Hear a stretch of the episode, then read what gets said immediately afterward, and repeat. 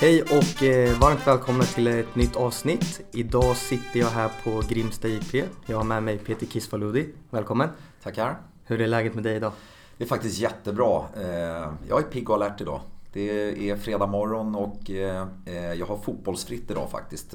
Vi har matcher i helgen och sådär så kan jag planera lite och, och sådär, nästa veckas träningar och sånt där och planera matcherna och sånt där. Så det blir perfekt. En fotbollsfri dag, hur ofta händer det i ditt liv? Väldigt sällan, men jag försöker faktiskt. Vi tränar ju måndag, tisdag, onsdag, torsdagar. Och då försöker jag, och sen har vi matcher, jag har ju med att jag har två lag, jag har 05 och 06 Då försöker jag alltid vara ledig, alltså inte ha några träningar på fredagar. Och att grabbarna är lediga också inför helg, helgmatch. Så att. Du, innan vi satte på play här berättade du en liten rolig historia. Jag får ju sitta i en väldigt häftig stol här. Kan du berätta lite om den? ja, nej men eh, jag sätter dig där med flit för att eh, vi sitter alltså i Brommapojkarnas styrelserum här på Grimsta IP och eh, eh, jag satte Daniel i samma stol som Sir Alex Ferguson satte sig i eh, och när han signade ett samarbetsavtal med klubben för drygt 20 år sedan. Eh, då när vi, Bojan Djordjic såldes till, till, till Manchester United så så satt han där och det roliga var att när han reste på sig då fanns det en lampa som gick som en fyrkant, som en liten kvadrat runt det här kvadrataktiga bordet. Och när han reste på slog han huvudet i lampan så det var ganska roligt. Då var det roligt i alla fall.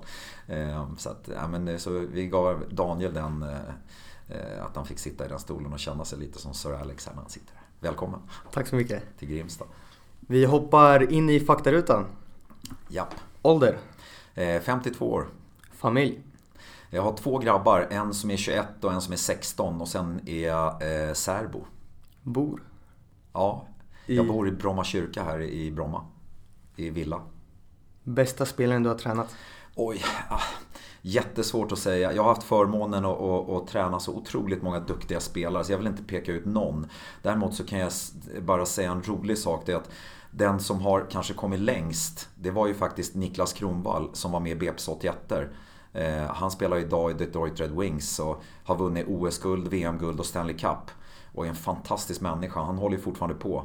Eh, fast han är 38 år. Jag brukar träffa honom på somrarna faktiskt på gymmet. Och då berättar han för mig att eh, han tar det ganska lugnt nu på sommaren. Han tränar bara måndag, tisdag, onsdag, torsdagar, tre timmars pass. Eh, men annars brukar han träna sju dagar i veckan. Men under ledigheten på sommaren kör han bara fem pass i veckan.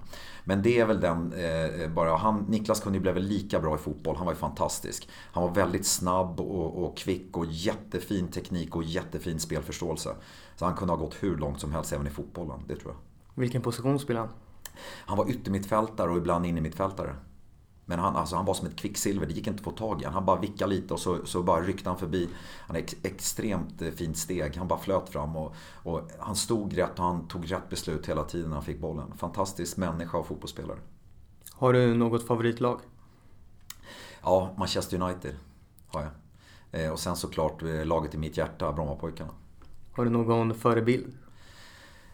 Ja, jag, det, faktiskt, det kanske låter larvigt men min pappa var en stor förebild. Eh, han var med och formade mig som människa. Och han, eh, min mamma och pappa separerade när jag var tio år och jag flyttade med pappa och min storebror flyttade med mamma. Och, men pappa betydde väldigt mycket för mig. Han, eh, han har alltid stöttat på avstånd på något sätt och han har alltid funnits där. Så att, han har varit fantastisk på det sättet. Så att, eh, han har lärt mig mycket om hur människor fungerar. Min pappa var väldigt eh, en gammal man. Han gick bort för åtta år sedan och då var han 90, 91 år. Han gick bort i cancer. Eh, men eh, eh, han, han, han, lärde mig mycket om hur, hur människor fungerar och, och, vad som är viktigt här i livet och värderingar och sånt. Så att, eh, och han ställde ganska höga krav på mig så att, och det uppskattar jag idag enormt mycket. Naturgräs eller konstgräs? Eh, bra fråga. Jag tycker att seniorfotboll absolut ska spelas på naturgräs. Däremot så är jag enormt glad och tacksam för att konstgräset finns. Eh, för att det har ju revolutionerat spontanfotbollen i Sverige och framförallt i Stockholmsområdet. Eh, där vi hade bara grusplaner när jag växte upp och vi hade skrubbsår överallt. Och det som var bra med det, det var som Ola Darnard sa, vår gamla klubbdirektör. Han sa vi ska alltid spela i kortbyxor för då är det ingen som ligger, ligger på plan för han vill inte ramla på gruset. ja, det låg någonting i det. Men, men konstgräs har ju, tycker jag, varit enormt viktigt för fotbollen i Stockholm och framförallt för ungdomssidan. Däremot tycker jag att, att eh, seniorfotboll absolut ska spelas på, på naturgräs. Kostym eller träningsoverall på match? Beror helt och hållet på vilken nivå du är på. Är du på ungdomsnivå och allting så är det solklart eh, eh träningsoverall och, eller kortbyxor och, och fritidsklädd. Men eh, är det eh, liksom allsvenskan då tycker jag definitivt att man ska ha en kostym på sig för då är det ju fest. Man klär upp sig till fest och då är det ju liksom eh, enormt roligt att känna den här, när man knyter slipsknusten och, och går ut, då känner, då känner man liksom wow, nu är det på riktigt. Har du någon favoritsyssla utanför fotbollen? Ja, det har jag faktiskt. Eh, jag älskar god mat. Eh, äter väldigt mycket ute med eh, min tjej. Min son som är 21 år är en fantastisk kock. Han jobbar inte som kock men han är, han är enormt skicklig i köket. Så han skämmer bort mig ibland. Och sen är, tycker jag inredning är jättekul. Jag är lite shopaholic också på kläder. Så jag har lite såna här, så min tjej tycker det är jättekul för jag älskar att gå i affärer mot väldigt många andra grabbar inte gör. Eh, men jag älskar att gå och kolla kläder och inredning och sånt där. Jag tycker det är jättekul.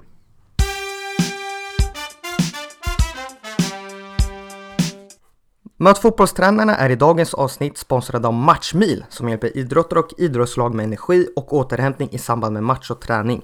Deras matchpaket innehåller energirika mellanmål som gör att ert lag orkar prestera matchen igenom. Detta ger både spelarna rätt förutsättningar och avlastar ledarstaben i matchförberedelserna. Dessutom är priset ofta detsamma eller lägre än i butik. På Matchmil.se finns flera färdiga paket för både lag och spelare som hjälper till att skapa rätt förutsättningar för att orka prestera. Jag har nu fått möjligheten att erbjuda dig som lyssnare på min podd hela 15% på hela deras sortiment. Ange koden TRÄNARNA15 i kassan med stora bokstäver så kan ditt lag eller du själv som spelare testa ett av Matchmils paket till ett riktigt förmånligt pris. Blir ni nöjda klickar ni enkelt hem ett 5 eller 10 pack till en generös mängd rabatt. Missa inte heller deras Instagramkonto där det regelbundet tävlar ut nyheter från deras sortiment. Stort tack till Matchmil!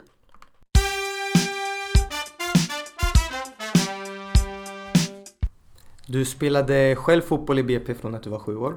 Ja, det stämmer. Hur bra skulle du säga att du var? Oj, eh, jag upptäckte ganska tidigt att jag, att jag inte höll måttet ska man väl säga. Men eh, jag spelade i BPC, eh, först spelade jag ett av breddlagen i 66 lag 4. Eh, och sen så plockades jag upp i 66 lag 1 och var med där i två år. Eh, och sen så plockades jag bort när jag var 1977 då när jag var 11 år. Eh, men jag var lite sådär, nu jävlar ska jag visa att, att jag kan. Och liksom, jag knöt fickan och det liksom jag tränade enormt mycket själv och sen så liksom tre år senare så, så stod jag där igen och plockades upp i 66 lag 1. Och det tror jag är lite av mig. Jag, jag är en envis rackare. Eh, jag gillar att, motbevisa motsatsen. Så att, eh, men eh, jag förstod redan när jag var 14 år att jag kommer inte bli någon toppspelare. Så att, det var då jag började min, jag gick min första ungdomstränarkurs och jag, jag tog mitt första lag i Brommapojkarna då, 74 lag 6. Så att det var lite charmigt då, 1980 för 39 år sedan. Vad var det du saknade som spelare själv? Jag har hört att du var ganska långsam. Jag var väldigt långsam. Eh, nej men jag var för långsam, så, så enkelt är det. Skönt att du har hört det, det tycker jag är kul. nej, eh, vi, jag, jag var en teknisk spelare och hade bra spelförståelse och sådär. Eh, ganska sen in i pubertet. Eh, och eh, var långsam dessutom. Så det var, det var tufft där precis i de, de åren. Men sen när man kom in i pubertet då sa det bara poff och så satte man fart. Men jag var för långsam för toppfotbollen. Däremot som Tommy hade spelat, hade du varit snabb säger Tommy Söderström, våran, våran gudfader här i huset i Brommapojkarna. Han säger, hade du varit snabb hade du spelat i Serie A. Sa han och så skrattar han. Så att, eh, nej men jag, jag, jag var inte tillräckligt bra. Så enkelt är det. Hur gammal var du när du tog ditt första tränaruppdrag? Eh, ja, det var, jag var 14 år gammal 1980. Eh, då gick jag min första ungdomstränarkurs eh, tillsammans med en kille som heter Peter Järn. Som också spelar i 66 lag 1. Och Peter var också väldigt långsam. Kommer han skratta när han hör.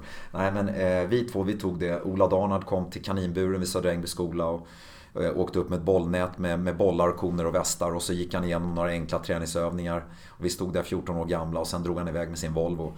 Eh, sen stod vi där. Men det var jäkligt roligt. Enormt eh, eh lärorikt faktiskt. Eh, och gå igång så tidigt med, med ungdomar. Så att eh, det var för, och sen för, fortsatte jag med det laget i fyra år. Så det var väldigt roligt.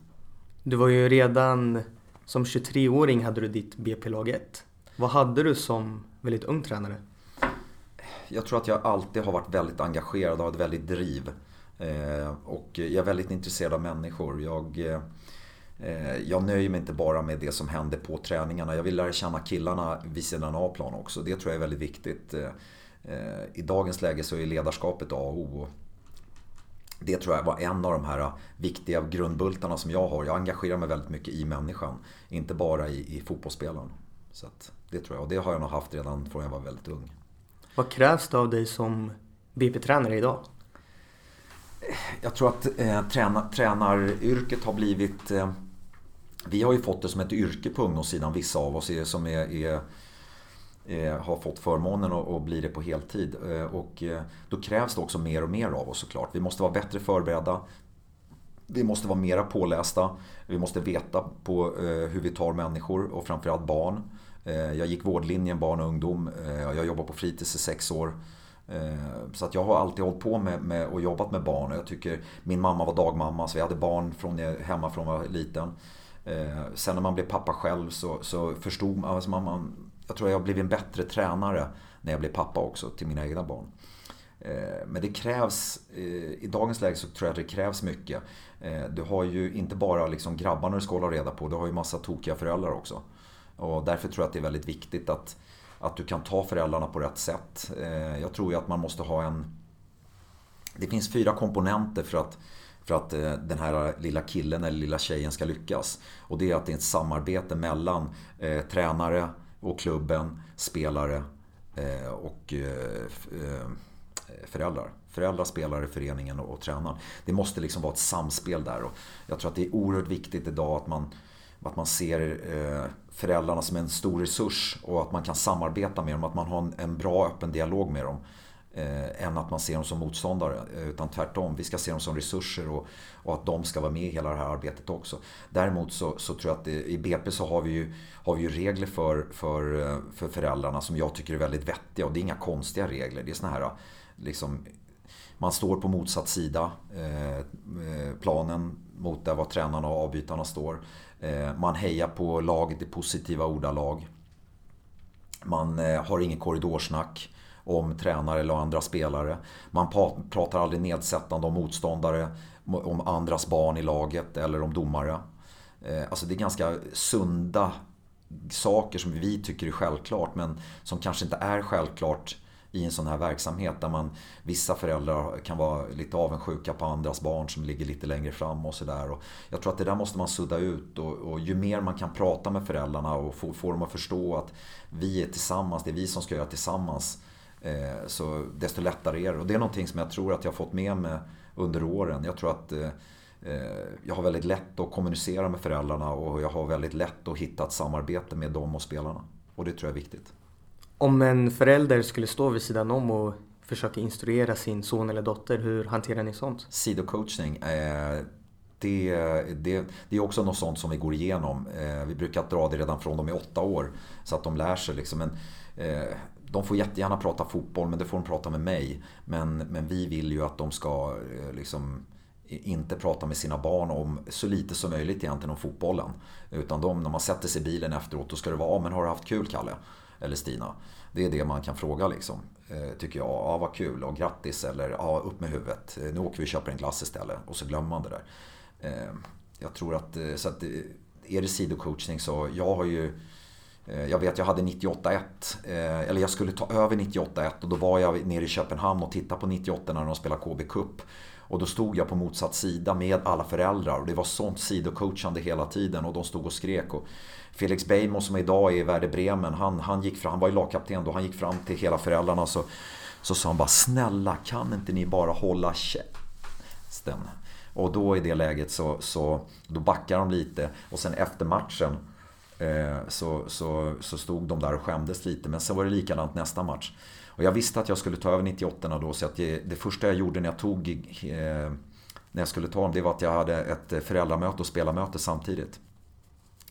Och då, då gick jag igenom det här med föräldrarna. Så var en liten, eh, liksom, då gick vi igenom hur, hur, va, hur, hur tänker era barn när ni står och skriker och tränarna kanske har andra direktiv.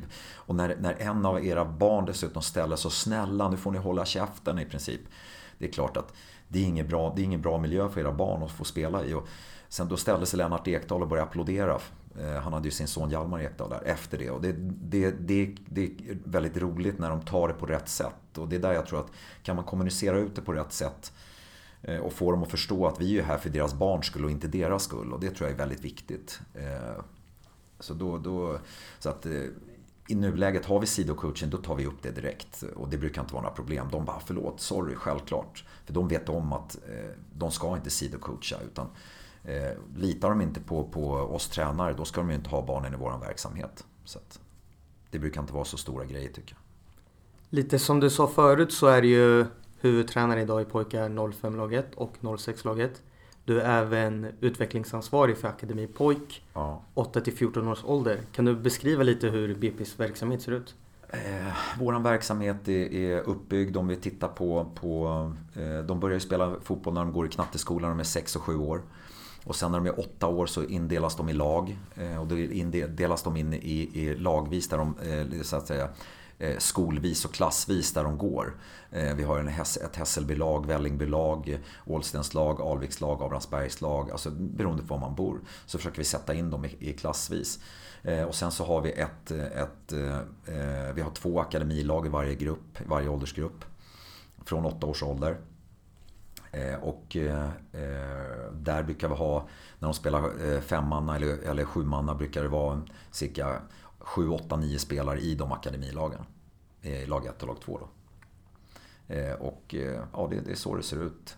Och flickverksamheten har vi på, jag är inte utbildningsansvarig på flick. Utan där har vi Anders Hermansson som är, så att nu pratar jag för killarna. Vad skulle du säga är din syn på selektering eller nivågruppering? Hur man vill eh, säga det. Det, är, det är ett väldigt känsloladdat ord, selektering i dagens läge. Ehm, och akademi. Akademi är ju, är ju egentligen ett ord som jag avskyr. För i dagens läge så, så sätter alla, eller alla, men väldigt många klubbar sätter ordet akademi framför sitt, sitt idag det är akademi lag 6 här i, och så i den här klubben och då tror de att de har höjt sin verksamhet. För mig är ordet akademi, för det första, det är ju en, en kvalitetssäkring av verksamheten. Eh, att man har en välutbildad, erfaren tränare. Eh, att man har bra träningsförutsättningar. Eh, att man åker på bra turneringar med bra motstånd. Eh, att man har bra eh, fystränare, att man har bra eh, eh, sjukvårdsteam som om våra ska, spe, spelare skadas att vi kan skicka dit dem direkt. Att de får hjälp med rehabträning och allt möjligt sånt där. Det är så, för akademi för mig en kvalitetssäkring. Eh, och då, då, då, ibland börjar jag undra om vissa, om vissa klubbar förstår vad, vad ordet akademi står för. Det är en annan fråga. Men selektering. Eh, jag, jag personligen är ju för selektering. Jag tycker att det, det och det står jag för. Eh, sen kan man diskutera om man ska ha det från åtta års ålder eller om man ska ha det från när de är lite äldre. Eh, men eh, eh, jag tycker att eh, det är så känsloladdat idag. Men när man står och tittar på, på alla, alla har vi olika förutsättningar. Och när man står och tittar på, på de här träningarna. Det finns ju en kille då i den här gruppen som är outstanding. Han tar bollen i princip och bara springer rakt igenom. Hans lag vinner med, med 8-0 och han gör alla åtta målen. Nästa gång är han med på andra laget och vinner det laget och han gör alla åtta målen. Är det, är det bra för hans utveckling eller är det bra för, för de andra som inte får känna på bollen? Som han är så totalt dominerande. Eh, det där är liksom... Det finns fördelar och nackdelar men jag tycker, jag, jag är nog för det. Jag tycker att kan han få spela med lika bra killar eh, och, och, och liksom få känna på det från, så tror jag att eh, det, det, det är så jag ser på det också. Sen tittar man ut utomlands där, alltså det finns, det, det, man pratar om olika liksom jag hade en diskussion med en på förbundet som inte visste vad hon pratade om. Eh, så kände jag i alla fall på, på svenska fotbollsförbundet. Eh, hon sa titta på Belgien, det belgiska fotbollsundret. De har, de har bredd och sen har de... Och det är rent skitsnack. Då vet hon inte, hon visste inte alls vad hon pratade om. Jag har ju själv pratat, jag har suttit med, vi har ju spelat mot Anderlecht. Jag har ju suttit i, i, och pratat i, sen på hotellet hela kvällen om Anderlecht. Som har en fantastisk verksamhet. Eh, och tittat på dem. Det finns inga som tränar så hårt som belgarna. Alltså med deras 9, 10, 11-åringar. Alltså de tränar ju 6, 7, ibland 8 pass i veckan nästan till. De, har ju sina, de tränar ju på dagtid i skolan och sen efter. Och, alltså de tränar ju enormt mycket. Eh, och, och, att inte de har selektering, det är ju nästan larvigt. Då har de inte koll på verksamheten där. De som sa det här till mig. Eh, så att, eh, och tittar man på Ajax, tittar man på Italien och eh, då undrar man också varför får inte vi fram fler Champions League-spelare? Idag har vi i princip ja, Robin Olsen i målet i Roma va? och sen har vi väl Lindelöf i United. Har vi någon mer? Jag tror inte det va, som spelar Champions League. Mm, nej, jag tror inte, jag tror inte det. Eh, och Krasnodar, var, där är väl... Europa League. Ja, det var Europa League, ja, Men var de med i... Nej, de spelade jag... mot Valencia. Just det, så var det. Eh, nej, men, och där ser man också på varför får inte vi fram fler spelare? Tittar man på Belgien och, och Holland exempelvis. Var, varför får de fram fler spelare än oss för? Varför får de fram alltså, världsspelare? När man tittar.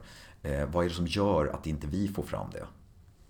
Det är klart att kunde jag knäcka den nöten så då, då skulle jag vara utbildningsansvarig på Svenska Fotbollsförbundet. Nej men, eh, så det, jag, jag, det här är en jättekänslig fråga, allra helst i dagens Sverige. Det är ju fult, det är fult att vara bra i, Sverige, i svensk fotboll. Det är fult att vinna eh, och det här. Och det, det är ju jättekänsligt. Men jag tror ju att eh, vi ska titta lite mer ute på Europa, vad, vad de gör. Eh, och sen så är det viktigt att veta att selektering, det menas med att man plockar ut spelarna. Men det menas inte att alla inte får spela. Och där tror jag är en viktig sak. För det är som den här artikeln i Aftonbladet. Det, det var ju nästan eh, det är som att våran verksamhet i, i, i BP's akademi skulle vara något djävulusiskt och det var helvetet för barnen. Det var ju så eh, den här journalisten ville, ville framställa det. Därför känns det väldigt, väldigt bra när det är mm, alltså fullt av föräldrar som har kommit fram eh, till våra tränare och liksom Eh, ni ska bara veta att våra barn älskar det här och de älskar dig som tränare. De tycker det är så jäkla roligt här. Så att eh, eh, man ska veta, för många lag som, som selekterar, många klubbar. Har du, en, har, du, har du oerfarna tränare som inte tar hand om spelarna i den här selekteringen och bara låter de bästa spela hela tiden. Då, då tycker jag att det är helt fel med selektering. Men har du erfarna killar och en, en klubb som talar om vad det är som gäller. Att alla ska spela lika mycket i den här selekteringen mer eller mindre. Och sen så finns det ju, även i selekteringen så har du ju spelare som ligger väldigt långt framme och spelare som ligger lite längre ner. Och de spelarna måste du också ta hand om. Eh, så att då gäller det att hitta motstånd som stimulerar de bästa även i den selekterade gruppen. Men också eh, motstånd som passar spelarna i den nedre delen av gruppen. Och det är klart att det är en utmaning som tränare. Men jag tror att det är oerhört viktigt för att oavsett på vilken nivå du spelar fotboll så måste du få lyckas med det du gör. För att fotboll är ju en, en sport som bygger väldigt mycket på självförtroende. Och det är upp till mig också att se till så att du kan eh, se till så att spelarna får lyckas mot det motståndet de liksom passar in för. Även i, i selekteringen så att säga. Eh, så att eh, ingen mår bra av att inte spela fotboll och stå och titta på. Så därför är det ju väldigt mycket upp till mig att hitta motstånd som är för alla, liksom, som passar alla. Så det var, det var ett långt utlägg på ordet selektering men, men eh, eh, jag tittar ju bara på andra. Titta på min bonusson som, som var och sjöng upp för Adolf Fredrik. Han fick komma in och sjunga upp och sen efter det fick han ett brev hem. Nej tyvärr, du är inte antagen. Han älskar att sjunga liksom.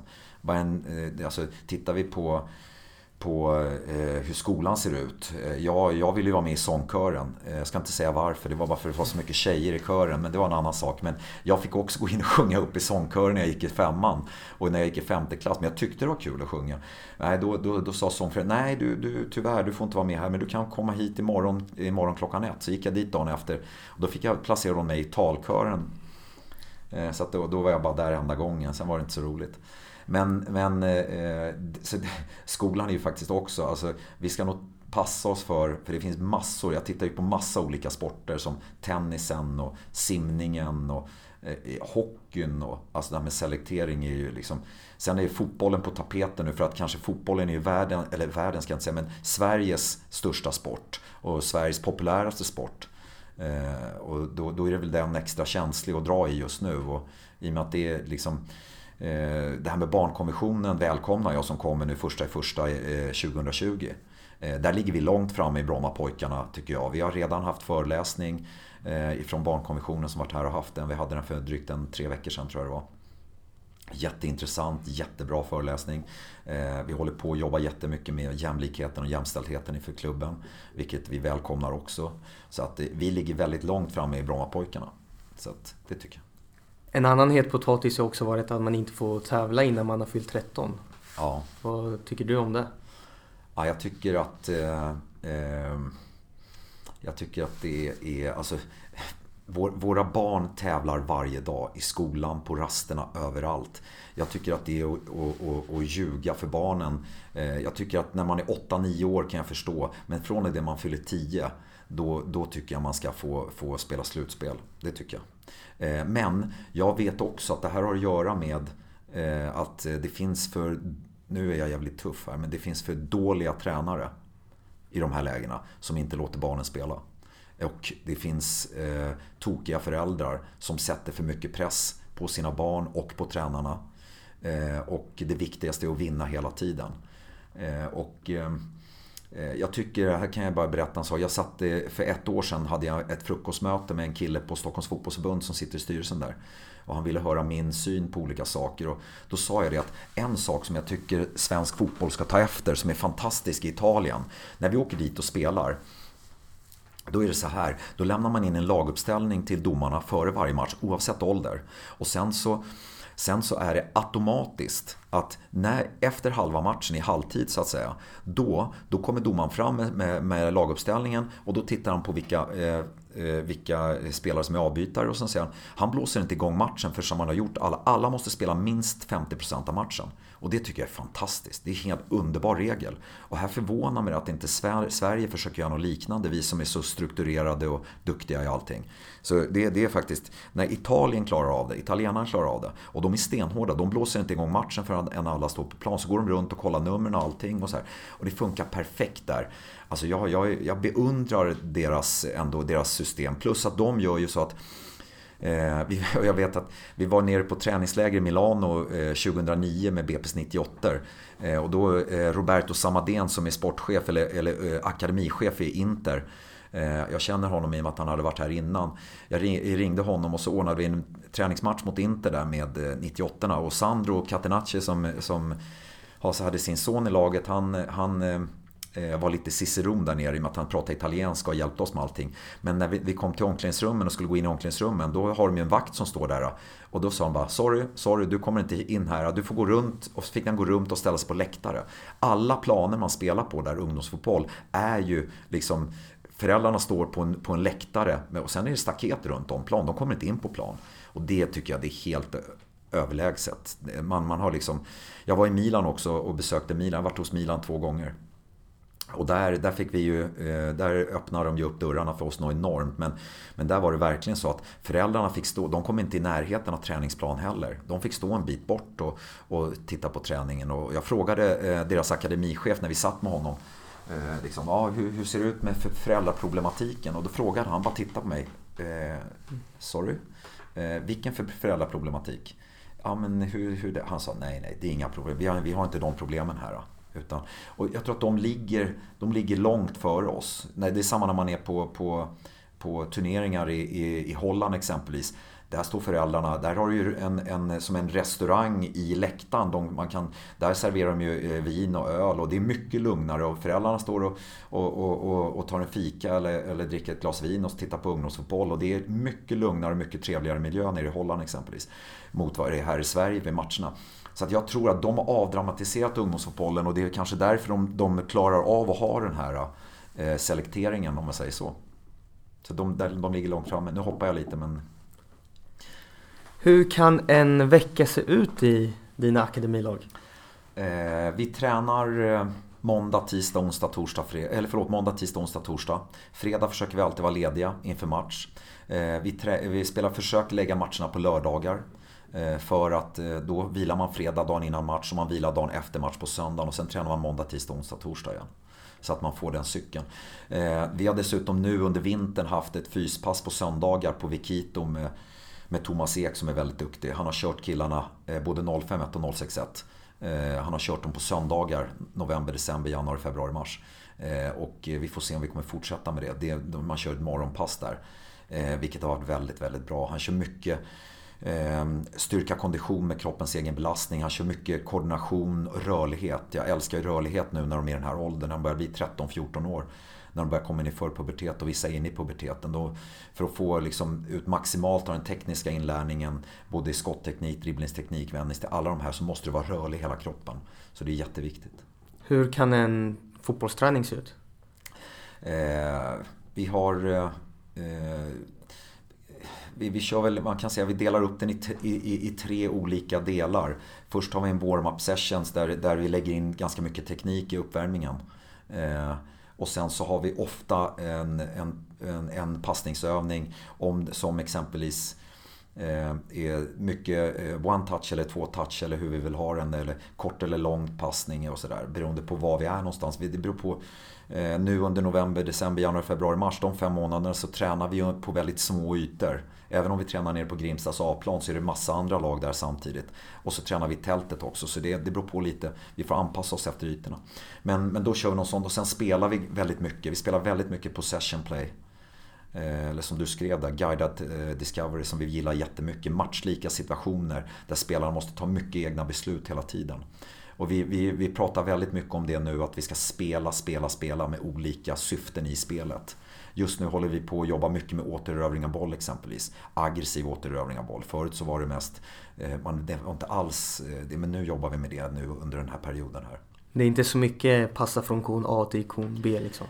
Vi kan göra det också i, viss, i vissa passningsövningar, absolut. Men, men eh, mestadels så försöker vi spela så mycket med olika syften.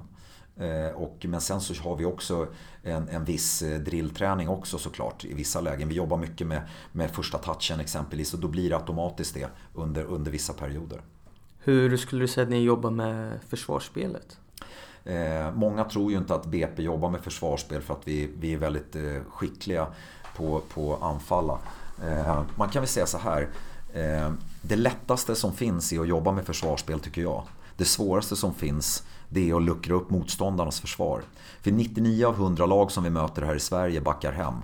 Så vi jobbar enormt mycket med, med anfallsspelet. Eh, och eh, många lag backar hem och så kontrar de och så skickar de långt på en eller två gubbar som springer allt vad de kan. Den fotbollen är, är, är liksom det är grottbjörnens folk för mig. Vi jobbar enormt mycket med att spela oss ur alla situationer Eh, och våga spela även om de sätter hög press. Det är ofta det vi får när vi är utomlands vilket är väldigt, väldigt, väldigt nyttigt. Eh, de sätter hög aggressiv press på oss och vi ska spela, vi ska spela. Eh, det viktiga egentligen det är inte om vi tappar bollen utan det är bara våga, våga, våga. Och här tycker jag att vi är extremt skickliga. När vi tittar på, då får vi jobba extremt mycket med vårt försvarsspel när vi är utomlands också. Nu i helgen exempelvis som var så var vi i, med 051 så var vi i Västerås. Och spelade eh, Västerås Invitational mot 04 mot ett år äldre. Och där fick vi verkligen jobba med försvarsspelet. Så att vi får jobba väldigt mycket mer. Så det är nyttigt också för oss, absolut. Så det, det beror på helt, helt och hållet på vilken motstånd vi möter. Men, eh, men eh, eh, förr i tiden så, så, så fick vi inte spela, eller nu får vi inte spela mot ett år äldre i vissa turneringar här i Stockholm. Och då måste vi söka oss utomlands eller utanför Stockholm och spela mot ett år äldre. Vi är exempelvis, exempelvis med 051 och 061 är vi inte med i Sankt Erikscupen. Eh, det går inte. Eh, 051 var med förra året och vann första matchen med 24-1. Eh, och sen så vann vi med 14-0, 14-0. Och då kände vi att det, det, det, det, är inte bra för oss och inte mot motståndet heller. Utan det, då fick vi istället söka, så vi är inte med, vi kommer bara spela träningsmatch nu. Och eh, vissa, vissa turneringar som ligger utanför Stockholm och sen så åker vi utomlands. Och tyvärr så blir det ju också mycket dyrare för oss när vi inte har motstånd att spela mot för att vi får söka oss utomlands. Nu har vi ganska bra tycker jag ändå med, med tanke på att vi börjar få väldigt bra kontaktnät ute i Europa med, med andra klubbar, med eh, eh kuppagenter och sånt där vi, där vi har ett bra namn med Brommapojkarna. Så att vi, kommer, vi får en hel del inbjudningar där vi bara behöver betala flyget. Och det är klart att det underlättar något enormt när de står för transfer, hotell och mat. Det är ju fantastiskt. Eh, nu exempelvis i januari här så var vi iväg med eh, Xavier där nere som jag känner väl. Han ordnade så att han ville att jag skulle komma med 051 och 061 och då sa jag att jag kommer med dem på ett villkor. Det är att 071 och 081 också får komma med. Och då bjöd de oss på eh, allt utom flyget. Och åka till Mallorca och spela en turnering i fem dagar, det är fantastiskt. Så att det, de, det, jag vet ju att de, storklubbarna bjuder de ju på det här och sen får småklubbarna betala för storklubbarna. Eh, och det är en stor, stor fördel när vi börjar komma dit. Nu åker våra, våra 07 åker ner till Izmir Cup exempelvis i april. Spelar en fantastisk turnering som 06 var på förra året. 06 åkte ut i semifinalen på straffar mot Twente där i semifinalen förra året. Nu får 07 åka dit och de betalar bara flyget också. Så det är fantastiskt när det blir så. Om ett, några år så ska ju dina spelare upp i U-lagen förhoppningsvis. Ja. Vad är det du vill att de ska få med sig?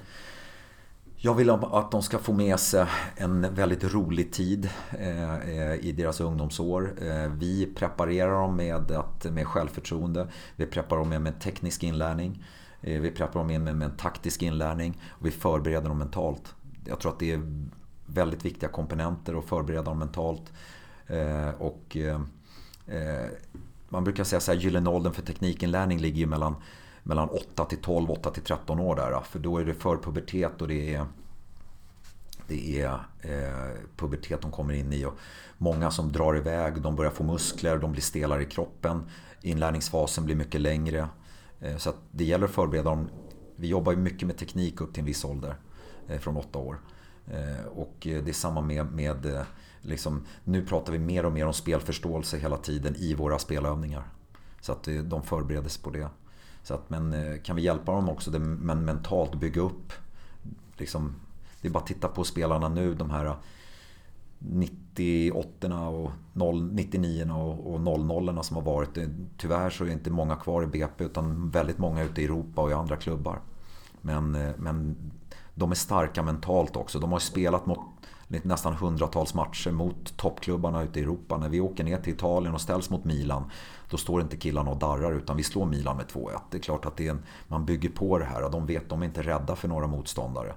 Och det är klart när de kommer till pojklandslag och juniorlandslag också Eh, och ska möta England borta. Det är klart att vi har förberett dem. De, vet vad som, de har ju mött Liverpool och United och Manchester City.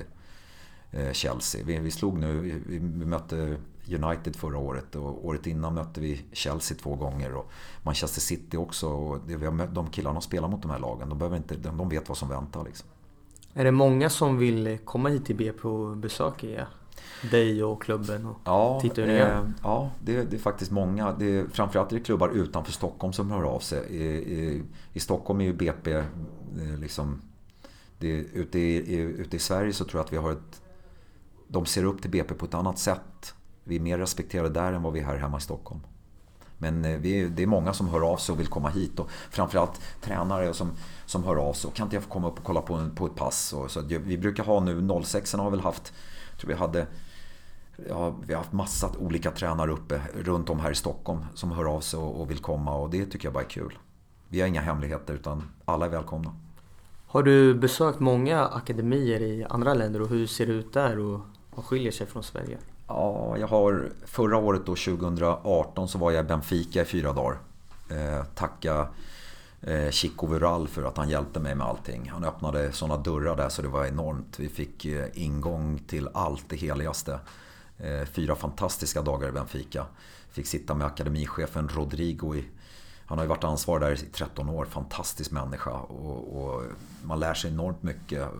Och han öppnade ju dörrar och allting. Och sen efter en hel dag med honom då frågar han igen bara Peter, what you doing tomorrow? You wanna eat lunch with me? Yeah, absolutely. Så att, äh, men det var ett fantastiskt mottagande. Eh, vi var och kollade på Benficas A-lag också när de spelade. och, och Eh, följde deras juniorer och jag följde deras 06er som, i och med att jag har 06 erna själv. Jag var ju där i mars eh, för eh, ett, ett, nästan exakt ett år sedan, det är ju mars nu. Så att, eh, och sen i april så mötte vi Benfica i åttondelsfinal i Izmir Cup. Och vi hade mött Benfica året innan och förlorat med 3-2 i Budapest när vi var där. Så det är klart att det var eh, killarna, jag behöver inte säga så mycket utan det var bara liksom killarna, ni har pratat om revansch nu i ett år, nu är det dags. Eh, så att det var roligt. Men eh, året innan så var jag i Barcelona i fyra dagar. Då var vi där med hela Brommapojkarnas akademiledare. Vi var 20 tränare. Det är klart, det, det, man får inte samma access om du kommer 20 stycken som om du är 2-3 stycken. Men Barcelona var också oerhört professionella mot oss.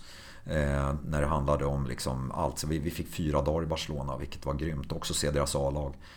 Eh, jag har varit i Manchester United i fyra dagar. Hade förmånen att träffa Sir Alex. Det var ju det här var ju då när han var aktiv precis. Ronaldo, det var sista han gjorde Ronaldo. Sen skulle han dra till Real Madrid. Ehm, det var också enormt eh, lärorikt. Det var det med Tobbe Ackerman. Tobbe Ackerman som idag är scoutchef i AIK. Tobbe har ju varit i United flera gånger så Tobbe var ju den som liksom kände allt och alla där och hjälpte mig enormt mycket. Eh, René Mullenstein som, som var technical director i United och han har ju varit här hemma i Sverige flera gånger hos oss. Han har ju varit med och skrev den, den förra utbildningsplanen, utbildningsmanualen för BP 2009. Så René var där och René tog hand om oss fantastiskt. Eh, så att, eh, men United var också väldigt, väldigt lärorikt. Jag tycker när man tittar på eh, Barcelona, de, de, de spelar mycket mera fotboll på sina pass. Instruerar väldigt mycket, har sitt sätt att spela, mycket one och två touch hela tiden, mycket rörelse i spelet utan boll och det. Mycket possession. Tittar man på Benfica, så Benfica tränar nästan samma upplägg som oss faktiskt. Här, eh, warm-up sessions med mycket teknik, en eh, första delen, andra delen mycket passningsspel, olika passningsövningar. Sen spelar de sista delen nästan hela tiden. Det, det som slog mig där är att Benfica löper de, de, de bara blåser av mitt i träningen så blåser de avtal med alla spelare. Sen, sen springer de i 10 minuter. Och sen så blåser de av och sen går de tillbaka in i sina övningar. Eh, så att, intressant. Eh, sen har jag varit i jag har varit i Arsenal, eh, jag har varit i Liverpool, eh, jag har varit i Fiorentina. Eh, jag var hos Lazio där, men då var jag där med Roger Palmgren som idag jobbar hos oss. Jag och Roger var där, för han är ju bästa polare med Svennis, med Göran Eriksson. När han, och det var när Lazio var som bäst. De hade ju ett fantastiskt lag. Så att, det var också lite häftigt att sitta och diskutera fotboll med, med, med, med Svennis. Svennis bjöd oss sen på middag hem till sin våning i Rom. Eh, problemet var att jag ville absolut, men Roger ville inte. Eh, för Roger hade, på vägen till Rom så hade vi stannat i Florens och köpt solbriller och då hade vi träffat två tjejer där. Och, och Roger sa det att nej för fan, vi måste, då hade, vi skulle vi äta middag med dem på kvällen. Jag sa att jag var inte dugg intresserad av dem, jag var bara intresserad och, och, eh, och, och träffa Svennis och käka middag. Men nej, det gick inte. För han hade ju ätit middag med Svennis 25 gånger innan så det var inte så intressant för honom. Men för mig var det en jättegrej. Det var häftigt att sitta och prata fotboll med Svennis för han sa det efter en timme att nej för fan det här är så roligt. Vi måste ses ikväll, kommer hem på middag. Så det, nej, men det, det, där besökte jag inte Lazios ungdomssida utan där var det bara seniorsidan. Men det var intressant också. Du har snart varit ledare i BP i 40 år. Hur skulle du beskriva dig själv som just ledare? Eh, ja, min största styrka, det, det tror jag att jag, eh, jag är väldigt engagerad. Eh, inte bara i, i spelarna eh, som fotbollsspelare utan även i människan. Det är min största styrka tror jag. Eh, jag försöker se saker hela tiden. Eh, jag tror att det är oerhört viktigt att vara förberedd. Eh, det, det, har jag lärt mig med, med åren också. Jag älskar att sitta och, och, skriva laguppställningar. Det har jag gjort ända sedan jag var liten. När jag var på kollo, jag var på kollo när jag var liten, från jag var sju år upp till, till jag var 14, eller 13 år. Och, och på kollo sa de till mig att jag ringde ju andra kollon och bokade in matcher och hit och dit. Och då fick jag skäll av vår föreståndare på, på Larsbacken, kollon på Barnens Söder. Han sa det Peter, vi kan inte göra, hålla på med det. Vi kan inte spela fotbollsmatcher varje dag mot andra kollon. Vi måste ha andra saker att göra. Eh, samma när vi när jag gick i femman då, då såg jag till, jag gjorde upp ett spelschema i skolan för när vi skulle möta sexorna på varje, en, en rast på lunchrasten varje. Det var ju måndag, tisdag, onsdag, torsdag, fredag, alltså fem. Och det stod ofta 2-2, sen var det avgörande match, final på fredagen liksom. Och jag skötte protokollet och sånt där. Jag har alltid varit väldigt engagerad och älskat det jag hållit på med. Så jag, jag, jag är privilegierad som får hålla på med ungdomsfotboll. Eh, men min, min största styrka det är nog mitt engagemang. David Nildén här som är pappa till Charlie Nildén i, i 06 han sa det. Fan Peter, jag förstår mig inte på det. Alltså, du, du, du, när jag går förbi här uppe, du, du, är den som är mest engagerad. Du är den som bryr dig mest. Du, du, du stannar alltid kvar längst överallt. allt. och ändå är det du som är äldst av alla. Ungtupparna, det är inte en, en av de här unga killarna kvar här, men du är här. Det är du som går och plockar bollar, du hänger upp västar. Liksom, vilket driv du har, jag är så imponerad. Så det är lite kul tycker jag. Den dagen jag tappar engagemanget, då, då ska jag nog sluta med det här. Så att, eh, det tror jag är min styrka. Som just barn och ungdomstränare, hur viktigt är det att se och bekräfta alla barn? Ja, det är enormt viktigt. Eh, den här gamla klassiken att man försöker och att man försöker och eh, se alla barnen och ge alla en, en, en positiv feedback eh, någon gång under träningen. Bra där, härligt och förstärka det. Det tror jag är jätteviktigt och, och det försöker jag vara väldigt noga med under träningen. Att alla ska få känna att de lyckas och gå inte och bryt övningen när de, när de misslyckas. Men gå in och förstärk när de lyckas istället. Och liksom att de känner wow, ja, det där var bra. Och liksom. Sen är det klart om det är elementära fel då kan man blåsa av och bara grabbar tänk på de här bitarna, det här och det här och sen så går vi igång med övningen igen. Men försök att förstärka när de lyckas. Det tror jag är en, en, en bra grundsten. Det viktigaste i vår verksamhet, vi, vi, vi liksom, jag jobbar ju efter tre teser. Nummer ett är glädjen. Glädjen i, fotbollen, glädjen i träningen, glädjen i match. Glädje måste du ha som nummer ett. Har du inte kul oavsett på vilken nivå du spelar fotboll så tror jag inte att du kommer lyckas. Jag tror att du, liksom, oavsett om du spelar i Allsvenskan eller i Superettan eller i Division 8 eller Division 7 eller i BP's akademi eller i BP's breddlag så måste du ha kul i det du håller på med. Eh, det är bara att gå till sig själv. Har inte jag kul på mitt jobb, då gör jag inget bra jobb. Därför har jag varit väldigt noga med, alltid. Jag skulle kunna valt andra jobb där jag tjänade mycket bättre. Jag, det, jag blev erbjuden det. Men jag tackar nej till det för jag bryr mig inte om det. Jag, jag, måste ha kul i det jag gör. Jag måste känna att jag har glädje i det jag gör. Och det här är ju samma med mig. Jag måste ta med mig det ner till fotbollsplan, till killarna. De måste känna glädje i det de gör. Så nummer ett är glädjen. Eh, skapa det i gruppen och se till så att... Och jag vet ju om att vi, som nu exempelvis, vi var iväg och spelade in den här tuffa turneringen, 04-turneringen i Västerås med 05 Och det var sju matcher, vi gick hela vägen till final. Vi förlorade tyvärr final mot ett väldigt duktigt Gustavsbergs 04 som är duktiga. Eh, eh förlorade med 1-0. Eh, Fredrik Dahlström, före detta allsvenska spelaren från Malmö och Djurgården eh, tränar dem. Eh, jätteduktig. Eh, I alla fall. Och, eh, eh då, då, då, vet jag, vi, vi, hade ingen träning på måndagen, tisdagen i första passet, killarna var fortfarande ganska stela och sådär. Det är klart att då får jag lägga om min träning lite. Vi hade lite lätt uppvärmning, vi spelar lite lätt och har lite roliga övningar, lite små tävlingar och sånt där. Alltså då, liksom ingen så här jobbig träning för dem alls, utan det gäller att ha lite fingertoppskänsla. Men nummer ett är glädjen. Nummer två, tror jag är väldigt viktigt, det är ju liksom ge killarna en bra fotbollsutbildning. Jag är deras lärare i princip, jag är deras tränare. De ska ju liksom, eh, för att man ska gå hela vägen upp så ska man ju gå igenom vår utbildning. A, B, C, D, E, F, G och så vidare. Så jag tror att det är viktigt. Eh, eh, har man nummer ett glädje och nummer två utbildning, då kommer nummer tre automatiskt, vilket är utvecklingen tror jag. Så att de här tre komponenterna, glädje, utbildning och utveckling, de jobbar jag väldigt hårt efter. Hur mycket tänker du på att prata med spelarna om deras mående? Liksom? Jag kan tänka mig att det är mycket press från tränare, föräldrar men även andra utifrån som kommer och tittar? Jag kan säga så här, tyvärr så, så, så, så är det press. Alla, alla helst när du har ett väldigt duktigt lag, då är alla bara åh, kolla, åh. Och tyvärr, så de elakaste, det är ju faktiskt föräldrarna i motståndarlagen. Det är de som är enormt, det är de jag skyddar de här killarna mot. Det är, det är nästan genant hur vuxna människor beter sig mot barn i, i vissa lägen.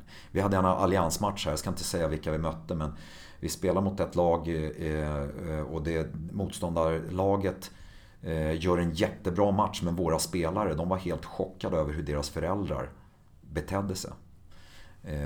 Vi vann matchen men så det, var, det, det, det spelar inte så stor roll i det läget. Efter matchen kommer en av våra spelare och säger Ah, fy fan, jag skulle bara vilja ge deras, deras föräldrar en, en, en, skjuta bollen på dem. Att de har betett sig så jävla illa. Och det här, det här får våra spelare tyvärr vara med om allt för ofta, vilket är horribelt, hur vuxna människor beter sig. Eh, så att eh, jag tror att hade det varit min föräldragrupp, då hade jag tagit ett möte med dem, inte direkt, jag hade sovit på saken, hade haft ett möte på nästa eh, eh, träning hade jag kallat upp samtliga föräldrar, tagit in dem i omklädningsrummet och talat om att det här är inte okej. Okay. Det här är inte okej okay någonstans. Eh, jag hoppas att den här stora föreningen gjorde det. Eh, men jag är väldigt tveksam till om de gjorde det.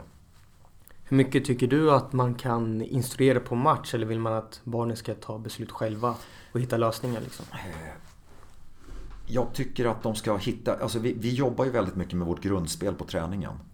Och, och då, då kan du gå in i vissa lägen och, eh, och liksom rätta till små saker. Men eh, annars så, så, så, har jag blivit mer och mer, jag är, jag är mycket tystare nu än bara för 4-5 år sedan. Eh, för jag vill att spelarna ska kunna ta egna beslut på planen. För rätt som det har de en tränare som inte står där och hjälper dem och styr dem och allting. Och sen ingår det i deras utbildning också att kunna fatta egna beslut. Eh, jag ska inte stå där med en joystick och styra dem helt och hållet. Sen är det självklart att man kan gå in och jobba med lite taktiska grejer. Eh, beroende på hur, hur motståndarlaget spelar det. Hur sugen är du på att träna ett seniorlag i framtiden? Eh, ärligt talat så, så är jag inte ett dugg sugen på det. Eh, jag var ju med under nio år som sportchef för Café Opera när vi gick ifrån från division 8 upp till superettan jobbade med, med seniorer, vilket var jätteroligt. Fast då var jag ju sportchef. Då hittade jag spelarna, eh, Och eh, jag fick in dem i verksamheten. Sen fick jag vara i AIK i två år. Och de, de två åren var jävligt tuffa. Eh, jag kom in i AIK när vi låg 18 miljoner back. Ehm, och de två åren brände nog mig väldigt mycket på seniorsidan. Eh, träffade otroliga människor men också otroligt många falska människor. Eh, som gick och knackade en på ryggen och talade om vad bra man var för att sen sticka kniven i en, en månad senare. Eh, sånt gillar inte jag, jag har väldigt svårt för det. Eh, det är bättre att de kommer fram och talar om vad de tycker rakt i ansiktet på mig. Då kan jag liksom försvara mig och prata med dem på ett schysst sätt. Eh, eller liksom så att, eh, men eh, jag skulle inte vilja ha tiden i AIK ogjord för den, den, den gav mig väldigt mycket erfarenhet. Eh, och sen var det, träffade jag fantastiska människor i AIK också. Jag kan säga så här, jag träffade fantastiska supportrar och även i, i, i AIK. Det, det, gjorde jag, så att, eh, som jobbar där. Så att, eh, sen var det tufft. Vi, vi, AIK, jag kom in i, i ett AIK som, som låg 18 miljoner back. Jag, jag och Sanny Åslund fick ärva någonting som den tidigare ledningen hade mer eller mindre liksom, ja, förstört. Eh, det första jag gjorde i AIK det var att jag, jag intervjuade alla spelare. Eller intervjuade. Jag satt och fika med dem i en timme den och sen träffade jag den. Och sen åt jag lunch med den. Och jag träffade 99% av truppen i princip. Jag satt med, med, med Johan Plate som då var mental rådgivare. Jag satt med eh, Boten då, Bengt-Olof Tengmark som var läkare Jag satt med Per Millqvist som hade varit assisterande. Jag satt med målvaktstränaren Anders Alm. Jag satt med alla och gjorde min research när jag kom till AIK redan första månaden. Och eh, sen när jag träffade AIKs styrelse så, så kom jag upp dit i styrelserummet och gjorde den här presentationen. Och då skrev jag på den här whiteboarden bara eh, Truppen är alldeles för mätt. Och de bara tittade på mig. Vad menar du? Nej men den är för mätt. Det enda de pratar om det är när de var i Champions League. Och det gjorde mig väldigt orolig. Väldigt orolig. Det, det enda de pratade om, när vi låg i Champions League, då var vi på träningsläger fem veckor i La Manga med Stuart. Men det är just därför vi ligger där vi ligger ekonomiskt. När vi låg i Champions League, då hade vi en heltidsanställd, heltidsanställd kock, då åt vi det här. När vi låg i Champions League, då gjorde vi det. När vi låg, men vi ligger inte i Champions League nu. Det, det, det var väldigt tufft liksom, att komma in i det läget. Vi, vi fick såga ner på allt i princip. Eh, jag fick tala om för klubben, att, eller för truppen att vi, vi ska inte flyga till bortamatcherna längre för vi har inga pengar, vi ska åka buss. Och då tittade de på mig som trodde att det var jag som sportchef, ny sportchef hade tagit det beslutet. Det var ju order från styrelsen för vi var tvungna att kapa kostnaderna. Så det var en tuff period. Eh, det fanns inga pengar att värva med. Eh, utan vi fick ta dit, eh, vi hade ju en, en extrem också, extrem otur med skador. Knäskador. Vi hade ju skador på Andreas Alm, Svante Samuelsson, Samuel Ajorinde. Alltså vi hade väldigt mycket skador. Martin Åslunds knä gick sönder till och från hela tiden också. Alltså, vi var extremt vi hade en väldigt liten trupp. Och det är klart att hade vi haft pengar då är det inga problem att köpa in färdiga spelare. Men när man inte har pengar fick vi ta dit halvdana spelare som kom på Bosman. Liksom. Det är klart att det inte är det sättet man ska jobba på. Men vi fick tyvärr göra det. Så, men, men där brände jag mycket av mina ambitioner till att bli seniortränare. Och eh, eh, jag måste säga så här. Jag, jag, det jag uppskattar enormt mycket med, med, att jobba med ungdomar det är att de är så påverkbara. Du kan verkligen liksom... Jag tror att man kan fabricera en ungdomsspelare. Eh, när jag tog min son här, han är född 98, han som är 21 år nu. Jag tog hans eh, 98 lag 4 när de var eh, 8 år. Eh, där var det 15 spelare, 14 killar och en tjej. Amanda Nildén som idag spelar i Brighton i Premier League för damer. Som är en fantastisk tjej, hon är så duktig så wow. Och henne hade jag ju i tre år då hon var 8 år, 9 år och 10 år. Eh, men då hade vi 15 spelare och i den gruppen så hade du allt. Du hade liksom fantastiska eh, tekniker och allt möjligt. Och, och så vissa som knappt inte kunde träffa bollen. För det var ett klasslag, det var ett breddlag, 98 lag 4. Eh, men jag, jag då, på föräldramöte så undrade om, det, undrade om det fanns någon som kunde träna grabbarna och då sa jag ja, men jag, jag tar gärna 98, eh, jag, jag tar gärna tränaruppdraget. Så jag och Rickard Höckefeldt tog det. Och jag sa det att jag hoppar på på ett villkor, det är att vi kommer träna som ett akademilag. Vi kommer träna tre dagar i veckan. Vi kommer jobba efter en speciell träning. Vi kommer, och, och det var jätteroligt för att det här laget och sen så spelade vi olika turneringar där vi fick de 9-10 som låg längst fram just då i utvecklingen fick spela en turnering som passade dem. Och sen hittade vi en annan turnering för de andra som låg mellan nummer 7 upp till nummer 15. Så de fem, fyra, fem som låg längst fram inte fick spela. Så det var perfekt. Liksom. Och, och jag vet för något år sedan kom, kom Pelle Minör, Victor Minörs pappa. Som, och Victor var väl en av de som låg lite, lite längst ner just då i fotbollens eh, utveckling. Och, men Pelle kom fram till mig och sa Fan Peter, jag vill tacka dig för de där åren. Det var de roligaste åren som, som Viktor har haft någonsin i fotbollen. Och det, det är sånt man blir väldigt varm av. Men då i alla fall, då, då jobbade vi med det här. Och då till slut var vi så långt framme så att vi, vi faktiskt slog 98 lag 1 med 98-4 i en turnering. Vi vann 1-1 eh, vid fulltid, så vann vi på straffar i en semifinal. Eh, det var inte målet att slå 98-1, men dit jag vill komma det är att det går och om du jobbar på rätt sätt i träning så tror jag att du kan komma väldigt långt med, eh, med eh, spelare som kanske inte hade gjort det eh, om de inte hade fått rätt utbildning. Så det är självklart att ju mer vi kan utbilda våra tränare och ledare till att jobba med rätt saker i rätt ålder. Och det är en av mina största grejer just nu när jag jobbar med det som jag, som jag eh, jobbar med, till, eh, med eh, ja, 8 14 år. Jag tränar ju 13 år när jag är 14 år själv men en av de största bitarna det är ju det här med att eh, ha rätt träning för rätt ålder. Och det är där jag du kan, du kan ta ner en, en, en av våra bästa tränare på seniorsidan. Men han vet inte hur han ska träna 8, 9, 10-åringar. Med all respekt, men det är ungefär det är så jag ser det i alla fall. Eh, jag tror att det är väldigt viktigt. Eh, vi pratar nu i träningen om en av de viktigaste sakerna. Det är att omvandla teknik till hastighet. Omvandla teknik till hastighet. Ju bättre teknik du har desto snabbare kan du leverera passning och boll. Liksom alla de här bitarna. Så nu hoppar jag lite men det, det, det, jag, jag, så jag trivs väldigt bra jag är där, där jag är. Däremot så självklart, skulle BP frågat mig i höstas, kan du kliva in nu när Pinmenta är borta? Då hade jag gjort det med glädje. Mm. Med glädje, för jag tror att jag hade kunnat varit med och påverkat något enormt mycket. För man har varit med och sett vilka elementära brister det fanns hos den ledaren och i hans ledarskap. Förlåt, alltså, nu ska inte jag kasta skit på någon. Men, men, men då när man ser hur, hur flera spelare inte mår bra utifrån och att det inte görs någonting, då är det självklart att jag tror att jag hade kunnat påverka enormt mycket. Vilken tränare skulle du vilja lyssna på i ett avsnitt? Jag kan säga så här, det fanns en tränare, 1989 då när jag var 23 år gammal, då tog jag i 77-1, mitt första första lag. Eh, och eh, då fanns det en stor förebild för mig och det var han som klev in som då som, som, som eh, sportchef, akademichef på ungdomssidan. Han hette Dan Sundblad, Danne Sundblad. Han jobbade också med, med pojklandslag och lite sånt där. Han var extremt bra. Nu, Danne slutade tyvärr som fotbollstränare, han tränade även BP's A-lag under några år. Han vann SM med, med våra juniorer och han var extremt bra. Men det var Danne som var han, han, var så jäkla bra för han såg så mycket annat än det fotbollsmässiga. Han såg människan och han, han hade man ju velat haft i en, i en sån här podd. Han tränade bland annat Andreas Brännström också. Som du hade i ett avsnitt här. Och, och, men nu är inte Danne verkbar. Han är ju rektor i, i Solna gymnasium tyvärr. Men, men eh, eh, någon som jag tycker är, är... Jag älskade ju när Kim Bergstrand var tränare i BP. Först var han fyra år på våran tipselit. Och sen var han fyra år på vårt A-lag. Och Kim fick ju, eh, han, han, tog ju med sig den, den fotbollen han spelade på ungdomsnivå här, tog han med sig upp i A-laget.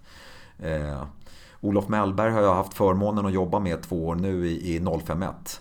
Eh, och Olof är extremt skicklig taktiker och allt det här. Och, det förvånar mig att inte att flera eh, klubbar är intresserade med att de inte plockar. Han är så extremt skicklig på det han gör.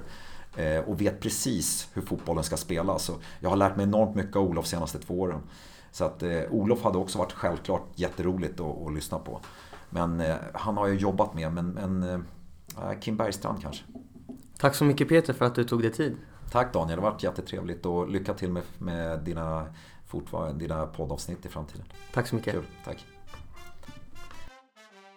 Tack för att du har lyssnat på avsnittet och hoppas att det var riktigt intressant. Nästa veckas avsnitt är med Mikael Stare och kommer ut på söndag. Glöm inte att använda rabattkoden tränarna15 med stora bokstäver på matchbil.se. Glöm inte heller att prenumerera på podden och följa den på sociala medier. Om du har tips på gäster eller feedback är det bara att höra av dig på daniel.angergard.gmail.com. Vi hörs på söndag.